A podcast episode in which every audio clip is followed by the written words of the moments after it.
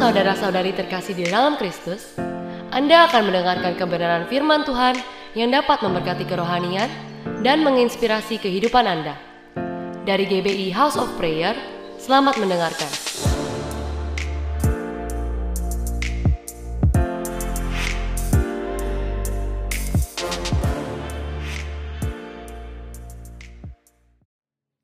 Ya, shalom.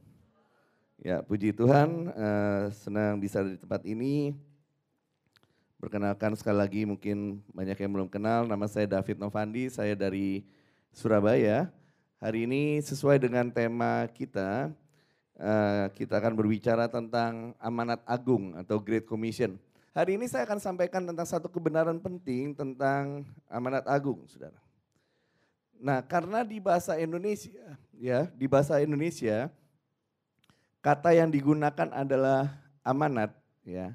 Sebetulnya kata yang paling tepat itu adalah perintah, ya. Karena kalau amanat itu agak-agak halus, ya.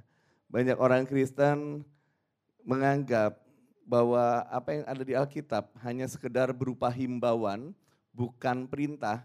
Oleh sebab itu banyak yang nggak mau lakukan, ya. Karena himbauan dan perintah itu berbeda. Kalau himbauan itu dilakukan boleh, tidak dilakukan juga nggak apa-apa. Ya, tapi kalau bicara soal perintah, berarti itu hal yang harus dilakukan. Kita langsung buka saja ayatnya di Matius pasal yang ke-28, ayat yang ke-18 sampai ayat yang ke-20.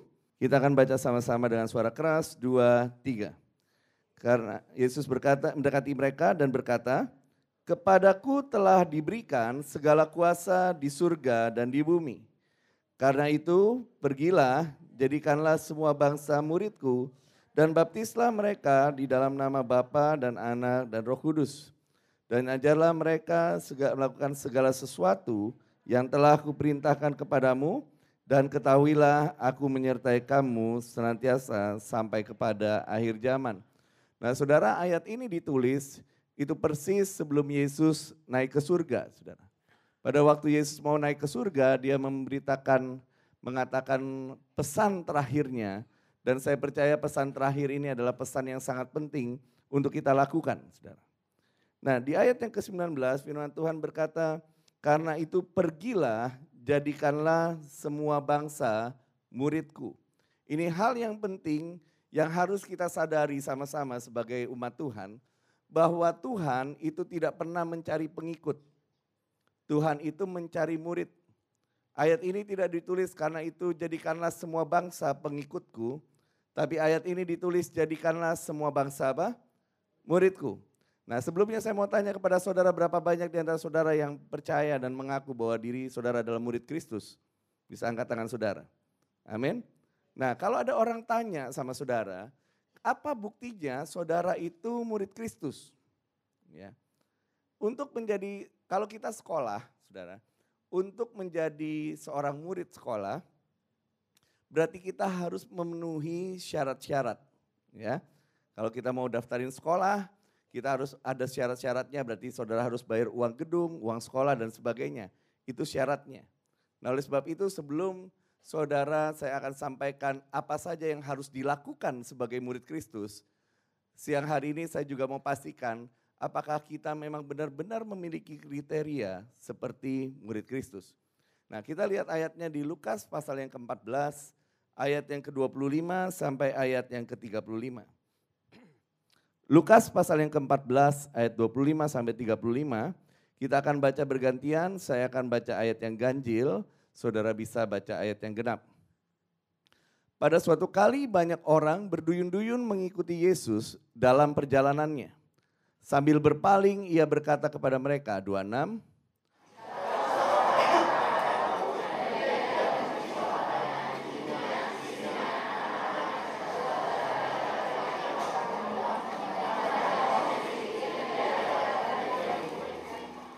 Barang siapa tidak memikul salibnya dan memikul aku, ia tidak dapat menjadi muridku.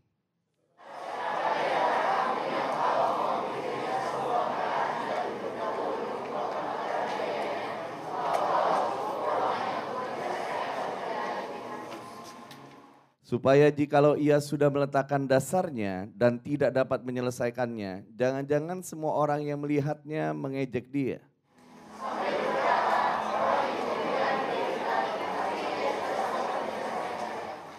Atau raja manakah yang kalau mau pergi berperang, melawan raja lain tidak duduk dahulu untuk mempertimbangkan apakah dengan 10 ribu orang ia sanggup menghadapi lawan yang mendatanginya dengan 20 ribu orang.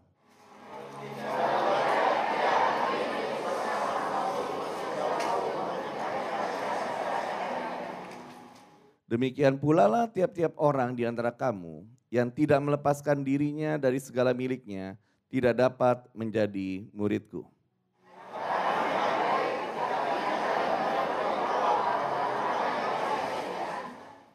Tidak ada lagi gunanya baik untuk ladang maupun untuk pupuk dan orang membuangnya saja. Siapa mempunyai telinga untuk mendengar, hendaklah ia mendengar. Nah saudara, di Lukas pasal yang ke-14 ayat 25 sampai 35 kita melihat bahwa ada tiga kriteria murid Kristus. Ya di mana kita masing-masing juga mencoba introspeksi apakah kita memang benar-benar sudah memenuhi syarat sebagai murid Kristus itu. Ayat ini dimulai di ayat yang ke-26 firman Tuhan berkata bahwa barang siapa membenci, apa tidak membenci ibunya, ya istrinya, siapa lagi Saudara? Anak-anaknya itu tidak layak menjadi muridku. Nah, Hal apa yang pertama menjadi syarat untuk kita menjadi murid Kristus? Arti ayat ini sebetulnya lebih ke arah begini saudara. Bukan berarti kita harus membenci orang lain, tapi ayat ini berkata bahwa syarat untuk menjadi murid Yesus yang pertama adalah mengasihi Yesus lebih dari yang lain. Ya. Jadi kata membenci itu bukan berarti nanti pulang dari tempat ini saudara ngomong mau, saya mau mentaati perintah Tuhan, saya disuruh membenci orang tua saya, istri saya, anak saya, bukan seperti itu ya. Tapi ayat ini dikatakan bahwa untuk menjadi murid Kristus, maka syarat utamanya adalah saudara harus mengasihi Yesus lebih dari apa pun. Siapa yang mengasihi Yesus lebih dari apa pun? Amin. Saudara mengasihi Yesus lebih dari apa pun, amin. Nah, kata mengasihi itu saudara nggak akan bisa mengasihi Tuhan sebelum saudara mengalami kasih Tuhan terlebih dahulu, saudara. Karena bicara soal mengasihi ini sesuatu hal yang penting dan menjadi dasar. Bahwa Tuhan itu enggak mau kita mengikut dia itu hanya karena kita takut enggak masuk surga. Ya. Dia enggak mau itu. Dia enggak mau kita mengikuti Yesus karena kita ketakutan. Dia enggak mau juga kita mengikut dia karena berkat-berkat yang ditawarkan. Ya, itu juga dia nggak mau. Oleh sebab itu di kitab Yohanes pasal yang ke-6 ada sebuah peristiwa penting di sana karena di ayat-ayat awalnya Yesus itu memberi makan 5000 orang. Mujizat besar terjadi. Tapi setelah itu orang-orang masih berduyun-duyun ikut Yesus. ya Ke mana pun Yesus pergi mereka mau ikut. Nah tetapi kemudian Yesus mengeluarkan perkataan-perkataan yang tajam. Kamu ikut aku bukan karena aku, kamu ikut aku karena berkat. Kamu ikut aku karena roti yang aku berikan kepadamu. Ya. Kemudian Yesus mulai mengajarkan sesuatu dan di Yohanes pasal yang ke-6 ayat 66 maka firman Tuhan berkata sejak saat itu gara-gara Yesus itu mengeluarkan perkataan-perkataan tajam bahwa kamu itu ikut aku itu karena mau berkatnya saja, mau rotinya saja, dan sebagainya, maka mulai dari waktu itu banyak murid-muridnya mengundurkan diri dan tidak lagi mengikut dia. Dan seolah-olah Yesus nggak peduli soal itu, saudara. Karena sekali lagi, Yesus itu mencari murid, bukan pengikut. Dan syarat murid yang pertama adalah mengasihi Yesus lebih dari yang lain. Ya. Apa bukti kita mengasihi Yesus? Ya. Apa bukti kita mengasihi Yesus? Dan bagaimana caranya kita dikasih Yesus itu penting, saudara. Ya. Maka ada sebuah kata yang muncul dari hal itu, yaitu bicara soal keintiman. Ya. Kalau kita bicara soal mengasihi Yesus, kita bicara soal keintiman. Nah, banyak gereja, ya, banyak di antara kita. Kalau saya bilang gereja itu berarti orang percaya, ya. Banyak di antara kita itu yang menganggap keintiman itu hanya sebagai hubungan satu pihak saja. Berapa banyak yang mendefinisikan bahwa kalau keintiman itu gini, saya merasakan dikasih oleh Tuhan, saya dilawat oleh Tuhan, ya. Saya mendapatkan damai sejahtera. Waktu saya mengalami keintiman dengan Tuhan, kasih Tuhan mengalir, damai sejahteranya mengalir, berkat-berkatnya mengalir dalam kehidupan kita. Tapi kita lupa bahwa keintiman itu proses dua belah pihak. Ya. Artinya begini saudara, kalau kita bicara keintiman bukan saja kita hanya mengalami kasihnya, tapi juga kita juga merasakan isi hatinya. Ya. Kita mengerti isi hatinya. Orang in, orang yang punya hubungan yang intim dengan Tuhan, itu bukan hanya soal mengalami kasihnya, tapi juga bisa merasakan isi hatinya. Ya. Karena kalau bicara keintiman itu kita dekat, saudara. Setiap kali misalnya saya pulang kerja atau istri saya pulang kerja, itu kami berdua itu tanpa berbicara, udah tahu kira-kira suasana hati apa yang sedang dialami. Ya, Misalnya istri saya pulang Padahal biasa, mungkin langkahnya terlihat biasa buat saudara. Tapi buat saya, dari langkah kakinya saya tahu nih orang istri saya lagi stres atau tidak. Ya. Kenapa itu terjadi? Itu hasil dari keintiman. Ya. Tanpa istri saya perlu tahu, uh, perlu bicara, saya bisa tahu bahwa apa yang ada di dalam hatinya. Nah begitu juga dengan Tuhan. Ya. Tuhan itu tahu isi hati saudara, amin. Tapi masalahnya adalah begini, apakah kita tahu apa yang menjadi isi hati Tuhan? Ya. Karena kalau kita bicara sekali lagi, kalau kita bicara keintiman, itu kita juga bisa bicara soal bagaimana merasakan isi hati Tuhan. Dan apa isi hati Tuhan? Coba kita lihat di Matius pasal yang ke-9, ayat yang ke-35 sampai ayat yang ke-38. Matius 9 ayat 35 sampai 38. Firman Tuhan berkata, demikianlah Yesus berkeliling ke semua kota dan desa. Ia mengajar dalam rumah-rumah ibadat dan memberitakan Injil kerajaan surga.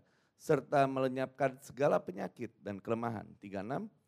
Melihat orang banyak itu, tergeraklah hati Yesus oleh belas kasihan kepada mereka. Karena mereka lelah dan terlantar seperti domba yang tidak bergembala. Maka katanya kepada murid-muridnya, tuayan memang banyak, tetapi pekerja sedikit. Karena itu mintalah kepada Tuhan yang empunya tuayan, supaya ia mengirimkan pekerja-pekerja untuk tuayan itu. Nah saudaraku, setiap kita berbicara keintiman, keintiman itu harusnya menghasilkan buah. Buah keintiman suami dengan istri adalah anak. Nah buah keintiman kita dengan Tuhan adalah pada waktu kita merasakan isi hati Tuhan. Dan apa yang menjadi isi hati Tuhan? Enggak lain dan enggak bukan adalah jiwa-jiwa. Jadi kalau saudara mengaku saudara intim dengan Tuhan, tapi saudara enggak peduli dengan jiwa-jiwa, saudara sedang intim dengan orang lain. Ya. Sedang intim dengan hal yang lain. Karena selalu proses keintiman kita bisa merasakan hatinya. Tadi di ayat yang ke-36 firman Tuhan berkata karena itu tergeraklah hati Yesus oleh belas kasihan. Dan kemudian ini yang menjadi doa Yesus di ayat 37, coba kita lihat. Tuhayan memang banyak, tapi pekerja sedikit. Karena itu mintalah kepada yang empunya tuayan, supaya memberikan pekerja. Isi hati Tuhan adalah begini, ada begitu banyak orang di luar sana ya yang membutuhkan Tuhan dan dia butuh pekerja, yaitu saudara dan saya. Amin. Jadi pada waktu kita bisa merasakan hatinya, saya percaya begini, orang yang intim dengan Tuhan pasti akan menghasilkan buah. Orang yang intim dengan Tuhan pasti nggak akan tahan untuk melihat jiwa-jiwa yang ada di sekelilingnya. Tapi pada saat kita masih berfokus pada diri kita sendiri, maka itu akan menjadi pertanyaan yang sangat besar. Apakah kita benar-benar mengasihi Tuhan? Saya pakai kata ini, bahwa intimasi selalu melahirkan misi. Ya. Intimasi itu enggak buat hanya sekedar main-main, tapi intimasi itu menghasilkan misi. Ya. Misi untuk menjangkau orang-orang di luar sana. Mereka butuh saudara dan saya. Hari-hari ini banyak orang yang sedang dituai, saudara. Tahukah saudara bahwa hari-hari ini Tuhan itu sedang mengirimkan masa penuaian yang berlimpah-limpah. Amin. Saudara saya dengar kemarin dua minggu lalu waktu kami berkumpul uh, para pendeta-pendeta se-Jawa Timur, kami melihat ada satu fenomena banyak saudara-saudara sepupu kita yang mulai bertobat. Ya, mulai bertobat. Begitu gampangnya diceritakan tentang Injil dan mereka bertobat. Tuayan ini lagi banyak saudara. Oleh sebab itu persiapkan dirimu. Dan saya percaya pada waktu engkau mengalami keintiman dengan Tuhan, engkau akan bisa merasakan hatinya. Bahkan engkau bukan hanya merasakan hatinya, engkau akan bisa melihat seperti Tuhan lihat. Engkau akan melakukan apa yang Tuhan mau kita lakukan. Itu buah dari keintiman. Itu syarat yang pertama, saudara. Syarat yang kedua kita baca di Lukas pasal yang ke-14 ayat yang ke-27. Firman Tuhan berkata, barang siapa tidak memikul salibnya dan mengikut aku, ia tidak dapat menjadi muridku. Nah kata memikul salib di, di dalam kitab Matius itu digabung dengan kata-kata barang siapa tidak menyangkal dirinya dan tidak memikul salibnya, ia tidak dapat menjadi muridku. Kata-kata sangkal diri dan memikul salib itu menjadi satu bagian yang tidak terpisahkan. Kata sangkal diri di dalam versi terjemahan The Message adalah you are not in the driver's seat engkau bukan berada di kursi pengemudi. Artinya kata sangkal diri itu berarti begini. Engkau nggak punya hak lagi buat dirimu sendiri. ya Atau dengan kata lain, kata sangkal diri dan memikul salib itu bicara soal ketaatan. Ya. Syarat menjadi murid Yesus yang kedua adalah hidup mentaati segala perintahnya. Udah mulai syarat yang kedua, udah mulai berat. Kalau waktu yang pertama mengasihi Yesus mungkin kita bisa lakukan. Tapi syarat yang kedua ini udah mulai berat. Saudara. Menyangkal diri artinya bukan kehendak kita tapi kehendak Tuhan yang jadi. Bukan perintahnya kita, bukan keinginan kita tapi keinginan Tuhan yang jadi. Memikul salib juga begitu. Arti memikul salib artinya kita memilih untuk mematikan kedagingan daripada kita mengikuti kedagingan kita. Segala sesuatu yang kita lakukan untuk mematikan kedagingan itu artinya memikul salib. Ya. Nah masalahnya adalah begini, kalau saya tanya kepada saudara, kira-kira perintah Tuhan itu berat apa ringan? Yang bilang berat angkat tangan. Oke ya, yang bilang ringan. Oke, berarti nggak tahu bahasa saya semua ini ya. Ya. Nah banyak di antara kita yang merasa perintah Tuhan itu berat. Kalau ringan pasti gampang dilakukan. Ya. Banyak di antara kita merasakan perintah Tuhan atau mentaati perintah Tuhan itu berat. Nah, saya mau kasih tahu kepada saudara bahwa perintah Tuhan itu berat atau ringan itu bukan ditentukan dari perintahnya. Perintah Tuhan itu berat atau ringan itu ditentukan dari seberapa besar engkau mengasihi Tuhan. Ya. 1 Yohanes pasal yang kelima, ayat yang ketiga. Coba kita lihat. 1 Yohanes pasal yang kelima, ayat yang ketiga.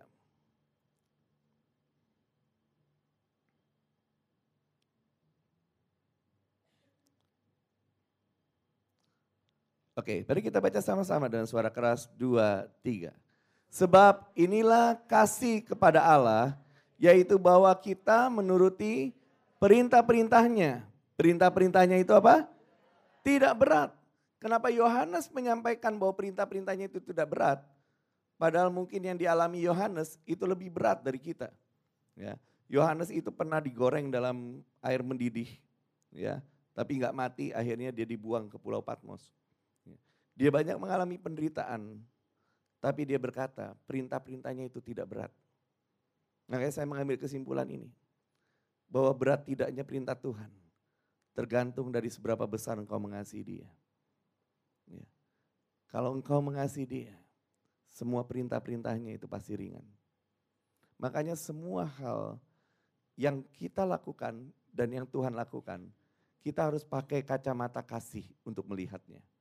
Karena begini, seperti orang tua dengan anaknya, ya. Kita kalau orang tua sama anaknya, anak kita kita suruh taat, Tujuannya untuk apa saudara? Tujuannya demi siapa? Tujuannya demi kebaikan anaknya. Tapi bagi anaknya kadang-kadang kita jadi orang yang jahat. Betul ya? Kita bagi anak kita kadang-kadang. Kenapa sih saya nggak boleh ini, nggak boleh itu, nggak boleh ini, nggak boleh itu. Karena ini penting saudara. Melihat Tuhan dengan kacamata kasih. Bahwa betapa Tuhan mengasihi saudara dan saya. Siapa yang percaya Tuhan mengasihi saudara? Amin. Itu akan membuat kita mengerti bahwa kenapa kita harus mentaati perintahnya. Dan hal yang perlu kita yakini adalah bahwa setiap perintah yang Tuhan berikan dalam kehidupan kita, tujuannya demi kebaikan kita. Sekarang saya mau tanya, berapa banyak di antara saudara yang mau mendapatkan mujizat? Amin. Tapi tahukah saudara bahwa nggak ada mujizat tanpa ketaatan? Ya. Ini benang merahnya, saudara. Satu Yohanes pasal yang ketiga ayat yang ke-24. Satu Yohanes pasal yang ketiga ayat yang ke-24.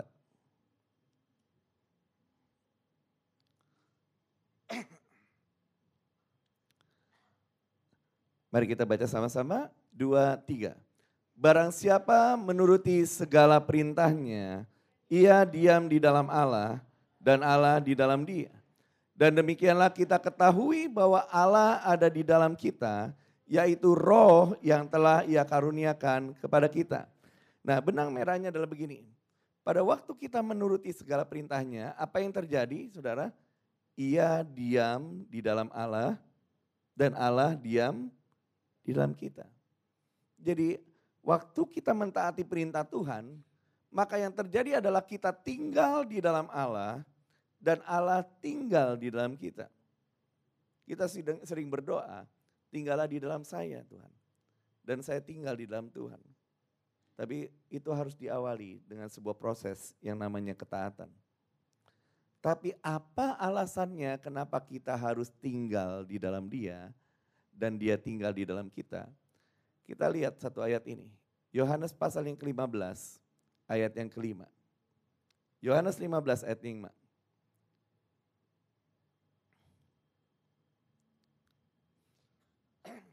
Yuk kita baca ayat ini. Dua, tiga. Akulah pokok anggur dan kamulah ranting-rantingnya. Barang siapa tinggal di dalam aku dan aku di dalam dia, ia berbuah banyak. Sebab di luar aku kamu tidak dapat berbuat apa-apa. Sudah lihat bahwa ketaatan akan membuat kita tinggal di dalam dia dan dia tinggal di dalam kita. Dan dampak dari kita tinggal di dalam dia dan dia di dalam kita, dampaknya apa saudara? Berbuah banyak. Dan saya pakai kata ini. Kalau firman Tuhan di sini berkata, di luar aku kamu tidak dapat berbuat apa-apa. Artinya, di dalam aku tidak ada yang mustahil bagi orang yang percaya. Amin saudara. Itulah tujuan kenapa Tuhan menyuruh kita untuk mentaati perintahnya. Karena sekali lagi semuanya demi kebaikan kita. Demi mujizat yang terjadi dalam kehidupan kita. Berbuah banyak, melakukan perkara-perkara yang besar. Itu awalnya bermula dari ketaatan. Ya. Dan itu merupakan syarat dari murid Kristus. Jadi alasan pertama kenapa kita kadang-kadang gak taat adalah karena kita belum mengasihi Tuhan. Tapi ada alasan yang kedua yang gak kalah pentingnya. Kenapa kita gak taat? Ya, saya mulai menemukan begini, kenapa ya kok banyak orang Kristen, termasuk saya, ya sering kali gak taat kepada Tuhan. Karena saya menemukan begini akhirnya. Bahwa kita tidak taat karena kita nggak sadar kita ini milik siapa. Kita berpikir bahwa hidup kita adalah milik kita sendiri. Hidup kita ini kita yang ngatur. Padahal kalau orang Kristen ditanya, ya, berapa banyak yang percaya bahwa kita adalah milik Tuhan? Siapa yang percaya? Saudara milik Tuhan? Soalnya pilihannya cuma dua. Kalau nggak milik Tuhan, milik iblis. Ya, jadi lebih baik milik Tuhan, milik Tuhan, ya. Tapi Seringkali kita hanya mau yang enaknya saja. Oh kalau saya dimiliki Tuhan, saya milik Tuhan, saya itu berarti dilindungi oleh Tuhan. Amin. Kalau saya milik Tuhan, berarti saya ini diberkati oleh Tuhan. Kalau saya milik Tuhan, berarti saya itu diberikan damai sejahtera oleh Tuhan. Padahal arti kita milik Tuhan ada sisi yang lain juga. arti dari kita milik Tuhan, kepunyaan Tuhan, berarti kita nggak punya hak apa-apa lagi terhadap hidup kita. Kita nggak sadar hal itu. Firman Tuhan berkata, kamu itu telah dibeli dengan harga yang mahal. Telah lunas dibayar. Bukan oleh uang, bukan oleh apa pun. Tetapi oleh darah anak domba. Saudara dan saya sudah ditebus oleh Tuhan. Kita lihat Roma pasal yang ke-14 ayat yang ke-7 sampai ayat yang ke-9. Roma pasal yang ke-14 ayat yang ke-7 sampai ayat yang ke-9. Mari kita baca sama-sama sekali lagi. Dua, tiga. Sebab tidak ada seorang pun di antara kita yang hidup untuk dirinya sendiri. Dan tidak ada seorang pun yang mati untuk dirinya sendiri. Delapan. Sebab jika kita hidup, kita hidup untuk Tuhan. Dan jika kita mati, kita mati untuk Tuhan. Jadi baik hidup atau mati kita adalah milik Tuhan. Sembilan. Sebab untuk itulah Kristus telah mati dan hidup kembali supaya ia menjadi Tuhan baik atas orang-orang mati maupun atas orang-orang hidup. Firman Tuhan berkata di ayat 9, sebab untuk itulah Kristus telah mati dan hidup. Sebab untuk itulah Kristus telah membayar saudara dan saya dengan harga yang sangat mahal. Supaya ia menjadi Tuhan atas hidup kita. Arti kata Tuhan berasal dari kata kurios, artinya penguasa tunggal. Artinya saudara, bahwa saudara dan saya sekali lagi nggak punya hak lagi atas hidup kita. Yang punya hak atas kehidupan kita itu Tuhan. Karena apa? Karena kita miliknya. Kita udah ditebus dengan lunas dan harganya telah dibayar oleh darah anak domba. Artinya saudara, kita nggak punya hak lagi untuk atas diri kita sendiri. Tetapi ini kabar baiknya saudara. Karena kita tahu bahwa kehendak Tuhan itu selalu yang terbaik bagi kita. Makanya kalau kita hidup untuk Tuhan, mati untuk Tuhan, supaya ia menjadi Tuhan, penguasa tunggal atas hidupmu. Banyak kita nggak taat karena kita masih menjadi penguasa atas diri kita sendiri. Ya. Banyak kita nggak taat perintah Tuhan karena kita masih memerintah atas diri kita sendiri. Kita nggak sadar kita ini milik siapa. Ya. Kalau kita miliknya Tuhan, berarti harusnya segala perintahnya harusnya kita taati. Amin. Ya, udah mulai nggak enak ya. Yang ketiga, ini masih syarat mengikuti Yesus. Nanti saya akan cerita yang enak-enak di terakhir. Ya. Lukas pasal yang ke-14 ayat yang ke-33. Lukas 14 ayat 33 ini syarat yang ketiga dan syarat yang terakhir untuk kita menjadi murid Kristus. Demikian pula lah tiap-tiap orang di antara kamu yang tidak melepaskan dirinya dari segala miliknya tidak dapat menjadi muridku. Ya. Syarat ketiga untuk menjadi murid Kristus adalah melepaskan diri dari segala miliknya. Saudara kita harus sadari bahwa hidup di dunia ini kita bukan pemilik tapi pengelola. Ya. Semua yang diberikan oleh Tuhan itu titipan. Segala sesuatu nanti akan lenyap. Kenapa kita akhirnya gagal mengikuti Tuhan? Sama seperti anak muda yang kaya, peristiwa anak muda yang kaya. Yang waktu dia bilang, guru semua hukum Taurat saya udah lakukan. Ya, saya udah lakukan. Oke, semua udah dilakukan? Oke. Kalau gitu sekarang kamu mau ikut aku? Iya. Anak muda yang kaya bilang begitu. Kalau gitu Yesus bilang begini. Kalau gitu pulang, jual semua hartamu, bagikan kepada orang miskin, dan ikut aku. Apa yang terjadi? Anak muda itu pulang. Akhirnya tidak jadi mengikuti Yesus. Karena firman Tuhan berkata, karena banyaklah hartanya. Yang Yesus mau sampaikan itu bukan berarti gini, saudara pulang dari rumah ini, saudara jual semuanya, saudara kasih ke gereja, ya, terus saudara hidup jadi gelandangan. Bukan itu. Tapi yang Tuhan mau adalah bahwa apa yang Tuhan minta untuk engkau serahkan, kiranya biar engkau bisa menyerahkannya. Ya. Karena apa yang biasanya Tuhan minta, itu yang menjadi penghalang untuk berkat-berkat tercurah dalam hidupmu. Ya.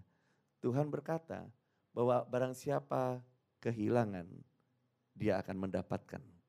Dan barang siapa mempertahankan nyawanya, dia akan kehilangan.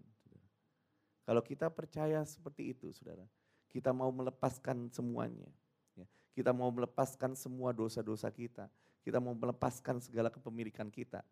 Saya percaya bahwa Tuhan kita itu bukan Tuhan yang jahat. Tuhan kita itu Tuhan yang adil.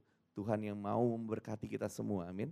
Pada waktu kita rela melepaskan, kita akan mendapatkan sesuatu yang jauh lebih baik daripada apa yang kita beri. Amin saudara. Nah itu tiga syaratnya. Ya. Dari tiga syarat itu, saya mau tanya dulu sebelum saya lanjutkan. Saudara masih mau jadi murid Kristus? Amin. Karena Yesus berkata begini di ayat yang ke-28, Lukas 14 ayat 28. Oleh sebab itu, pertimbangkan baik-baik. ya Hitung baik-baik untung ruginya untuk bisa ikut jadi murid Yesus. Hitung baik-baik, jangan sampai menyesal kemudian. Ada banyak orang Kristen itu salah dalam pemahaman dan pengajaran. Akhirnya di tengah jalan pada waktu masalah datang dalam kehidupannya dan kemudian kecewa sama Tuhan. Dia bilang kenapa kok Tuhan tidak memberkati saya? Kenapa Tuhan tidak menolong saya? Tuhan akan berkata gini, kamu udah hitung-hitung belum dulu? Harga untuk mengikut aku. Ya, Mengasihi Yesus lebih dari yang lain. Mentaati segala perintahnya. Dan melepaskan diri dari semua miliknya. Hitung baik-baik Bahkan di ayat 28 sampai 32 Yesus menggambarkan dengan detail orang aja kalau mau berperang itu akan menghitung kekuatannya seperti apa. Orang kalau mau mendirikan menara itu harus menghitung juga uangnya cukup atau tidak. Dan Yesus bilang, tawaran untuk menjadi murid Kristus itu adalah pilihan, bukan paksaan. Ya. Tapi hitung dulu, supaya di kemudian hari saudara nggak menyesal. Masih mau jadi murid Kristus? Amin. Amin. Nah, saudara itu baru syaratnya ya. Sama seperti tadi saya gambarkan, kalau kita syarat untuk menjadi murid tertentu, misalnya kita menjadi murid dalam sekolah atau universitas, syaratnya adalah kita harus bayar ya uang sekolah dan sebagainya. Nah, itu baru syarat. Tetapi kita akan masuk apa saja yang harus dilakukan sebagai murid Kristus. Karena tadi saudara mau ya, saya nggak tahu maunya itu karena sungkan dengan teman sebelah atau enggak ya. Karena saudara mau, maka saya akan share kepada saudara apa saja yang harus dilakukan sebagai murid Kristus. Nah, apa saja ini terjadi atau ter, apa, atau berada di dalam Matius pasal yang ke-28 tadi. Apa saja yang harus dilakukan oleh seorang murid Kristus? Apa kewajiban dari murid Kristus? Ada di Matius 28 ayat 18 sampai 20 tadi. Kita lihat langsung ayat yang ke-19. Ini yang harus dikerjakan oleh setiap murid Yesus. Karena itu pergilah, jadikanlah semua bangsa muridku. Dan baptislah mereka dalam nama Bapa dan Anak dan Roh Kudus, 20. Dan ajarlah mereka melakukan segala sesuatu yang telah kuperintahkan kepadamu. Sampai situ dulu, saudara. Jadi apa saja yang dikerjakan murid Kristus, kalau saudara dan saya mengaku bahwa saudara dan saya adalah murid Kristus, maka ada hal yang harus dikerjakan. Yang harus dikerjakan ada di ayat 19 tadi. Karena itu pergilah. Nah kata pergilah itu bukan berarti saudara itu harus pergi sampai pedalaman sana, enggak selalu seperti itu. Karena kata pergilah itu bahasa aslinya cukup simpel yaitu as you go Artinya di mana pun kamu berada. Yesus menganjurkan, Yesus e, memerintahkan bahwa di mana pun kamu berada, di sekolah, di kampus, di keluarga, di pekerjaan, di mana pun kamu berada, apa yang harus dilakukan? Jadikanlah semua bangsa muridku. Ya. Jadi itu tugasnya seorang murid Tadi yang tadi saya sampaikan syarat untuk menjadi murid. Ini tugas seorang murid adalah memuridkan orang lain. Berapa banyak yang masih mau? Memuridkan orang lain. Apa saja yang harus dilakukan? Ya. Kata baptislah mereka dalam nama Bapa, Anak dan Roh Kudus itu berarti begini, memperkenalkan orang-orang itu kepada Tuhan. Di ayat 20 bagian awal, ajarlah mereka melakukan segala sesuatu. Nah, murid itu juga mengajarkan ketaatan. Ajarlah mereka melakukan segala sesuatu, ya kan? Melakukan segala sesuatu yang telah kuperintahkan kepadamu. Jadi apa yang Yesus ajarkan kepada kita, kita ajarkan juga kepada orang lain. Ya, itu tugas orang murid. Enggak berhenti sampai kita saja. Keselamatan enggak berhenti sampai kita saja. Tapi kita juga harus ajarkan kepada orang lain. Sampai sini, saudara, menurut saudara tugasnya berat apa ringan? Ya, jujur aja ya. Tugasnya berat. Sampai sini tugasnya berat. Tapi saudara jangan khawatir bahwa ternyata amanat agung itu diapit dengan dua janji yang powerful. Jadi selain saudara itu disuruh melakukan segala sesuatu, tapi Tuhan kita itu Tuhan yang luar biasa. Dia nggak menyuruh kita tanpa kita diperlengkapi. Janji pertama yang luar biasa buat saya ada di ayat yang ke-18. Ayat 18, Yesus mendekati mereka dan berkata, kepadaku telah diberikan segala kuasa di surga dan di bumi. Di kisah 1 ayat 8 firman Tuhan berkata, kamu akan menerima kuasa kalau roh kudus turun ke atas kamu. Dan kamu akan menjadi saksiku di Yerusalem, Yudea, Samaria, dan sampai ke ujung bumi. Senjata pertama yang Tuhan berikan kepada saudara dan saya untuk melakukan amanat agung, untuk pergi, memuridkan, mengajar, mengajar tentang ketaatan, untuk mentaati segala perintah Tuhan. Senjata yang utama adalah kuasa. Dia nggak menyuruh saudara tanpa senjata apa pun.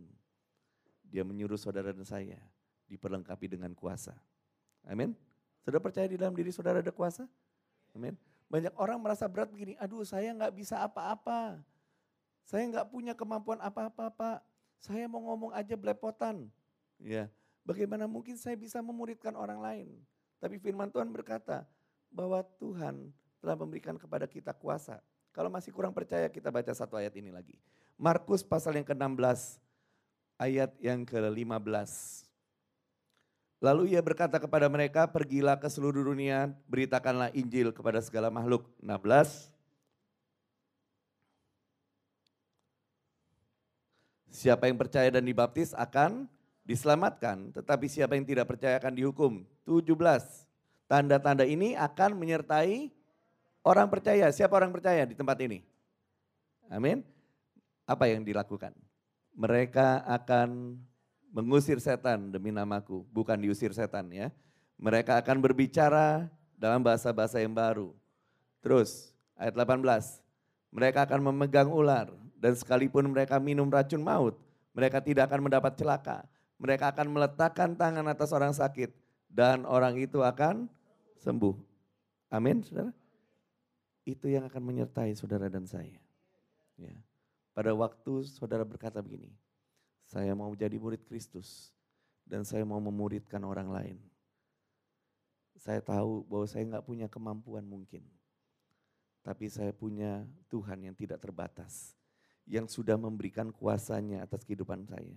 Saudara perkatakan ayat ini. Saya akan mengusir setan. Saya akan menyembuhkan orang sakit. Ya. Saya akan melakukan segala perkara yang gagah perkasa karena Tuhan yang telah memberikan kuasa atas kehidupan saya. Amin. Senjata kedua yang Tuhan berikan untuk kita pergi menjadikan semua bangsa murid ada di ayat yang ke-20. Dan ketahuilah apa yang Tuhan janjikan. Aku menyertai kamu senantiasa sampai kepada akhir zaman. Yang dia janjikan bukan hanya kuasanya, tapi penyertaannya. Pada waktu engkau memuridkan, pergi memuridkan, mengajar orang-orang membawa orang-orang kepada Yesus. Firman Tuhan berkata, aku yang menyertai kamu. Ya. aku yang menyertai kamu sampai kepada akhir zaman. Ya. Kalau saudara masih mau berdalih lagi, saya nggak bisa apa-apa. Coba kita lihat latar belakang kepada siapa perintah ini disampaikan. Kembali ke Markus pasal yang ke-16. Saya terkejut, saudara, ternyata waktu Yesus menyuruh murid-muridnya, itu murid-muridnya dalam keadaan nggak siap. Bukan bukan murid-murid yang kita kenal setelah apa? Setelah pencurahan Roh Kudus. Waktu setelah pencurahan Roh Kudus kita lihat Petrus itu begitu saktinya ya. Dia khotbah 3000 orang bertobat. Bayangannya bisa menyembuhkan orang sakit. Tapi yang murid-murid yang ditugaskan kepada Yesus pada waktu itu belum menerima kuasa. Akhirnya ia menampakkan diri kepada sebelas orang itu. Ketika mereka sedang makan, gimana keadaan murid-muridnya? Lagi percaya yang penuh, iman yang kuat, kuasa yang luar biasa gitu. Ketika mereka sedang makan, ia mencela ketidakpercayaan dan kedegilan hati mereka oleh karena mereka tidak percaya kepada orang-orang yang telah melihat dia sesudah kebangkitannya. Murid-murid ini masih dalam keadaan galau. Masih dalam keadaan gak percaya Yesus sudah bangkit. Masih gak percaya bahwa ada kuasa kebangkitan di dalam diri Yesus. Tapi Yesus gak peduli tentang itu. Langsung di ayat 15-nya, gak pakai lama. Oh, kemudian Yesus membriefing murid-muridnya, percayalah bahwa saya ini hidup, saya ini berkuasa. Enggak. Langsung ayat 15, dalam kondisi murid-muridnya yang tidak percaya lagi dimarahin sama Yesus karena kedegilan hati mereka. Yesus langsung ngomong gini, abis marah-marah, saudara bayangan ya, abis Yesus marah-marah, kemudian langsung bilang gini, pergilah ke seluruh dunia, beritakan Injil pada segala makhluk. Murid-muridnya mungkin shock saudara ya. ya. Ini habis dimarah-marahin mungkin murid-muridnya down karena mereka ternyata nggak percaya sepenuhnya kepada Tuhan. Tetapi ini kabar gembira buat kita semua. Apa pun keadaanmu, Yesus percaya kepada kita. Dia nggak lihat keadaan kita. Yesus nggak lihat keadaan murid-muridnya. Karena dia punya iman atas murid-muridnya. Dan sebagaimana dia punya iman atas murid-muridnya, dari 12 murid Yesus, banyak di antara murid-muridnya, sebagian besar itu tidak terpelajar. Nelayan, pemungut cukai, banyak yang tidak terpelajar. Tapi Yesus percaya kepada mereka. Karena Yesus bukan percaya kepada kemampuan mereka. Tapi Yesus tahu dia akan meninggalkan kuasanya. Dan dia akan menyertai sampai kepada akhir zaman. Itu dua janji yang mengapit amanat agung. Maka nggak ada alasan untuk kita berkata gini, saya nggak bisa, saya nggak mampu. Saudara punya Tuhan di dalam saudara yang akan memampukan saudara dengan kuasa. Dan yang selalu senantiasa berkata begini, aku menyertai engkau. Berapa banyak di antara saudara yang sungguh-sungguh berkata Tuhan, aku mau menjadi muridmu. Dan aku mau melakukan apa yang engkau perintahkan kepadaku segala perintahnya untuk pergi menjadikan orang-orang murid. Mungkin di antara saudara berkata, aku nggak bisa apa-apa. Pengetahuan Alkitab masih kurang. Bagaimana caranya membimbing orang datang kepada Tuhan. Tuhan cari orang yang mau, yang sungguh-sungguh berkata, Tuhan pakai aku dengan segala keterbatasanku.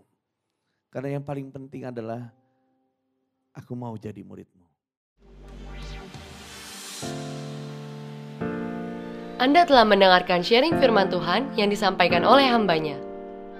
Dapatkan rekaman ibadah melalui website hope.church/sermon. Tuhan Yesus memberkati.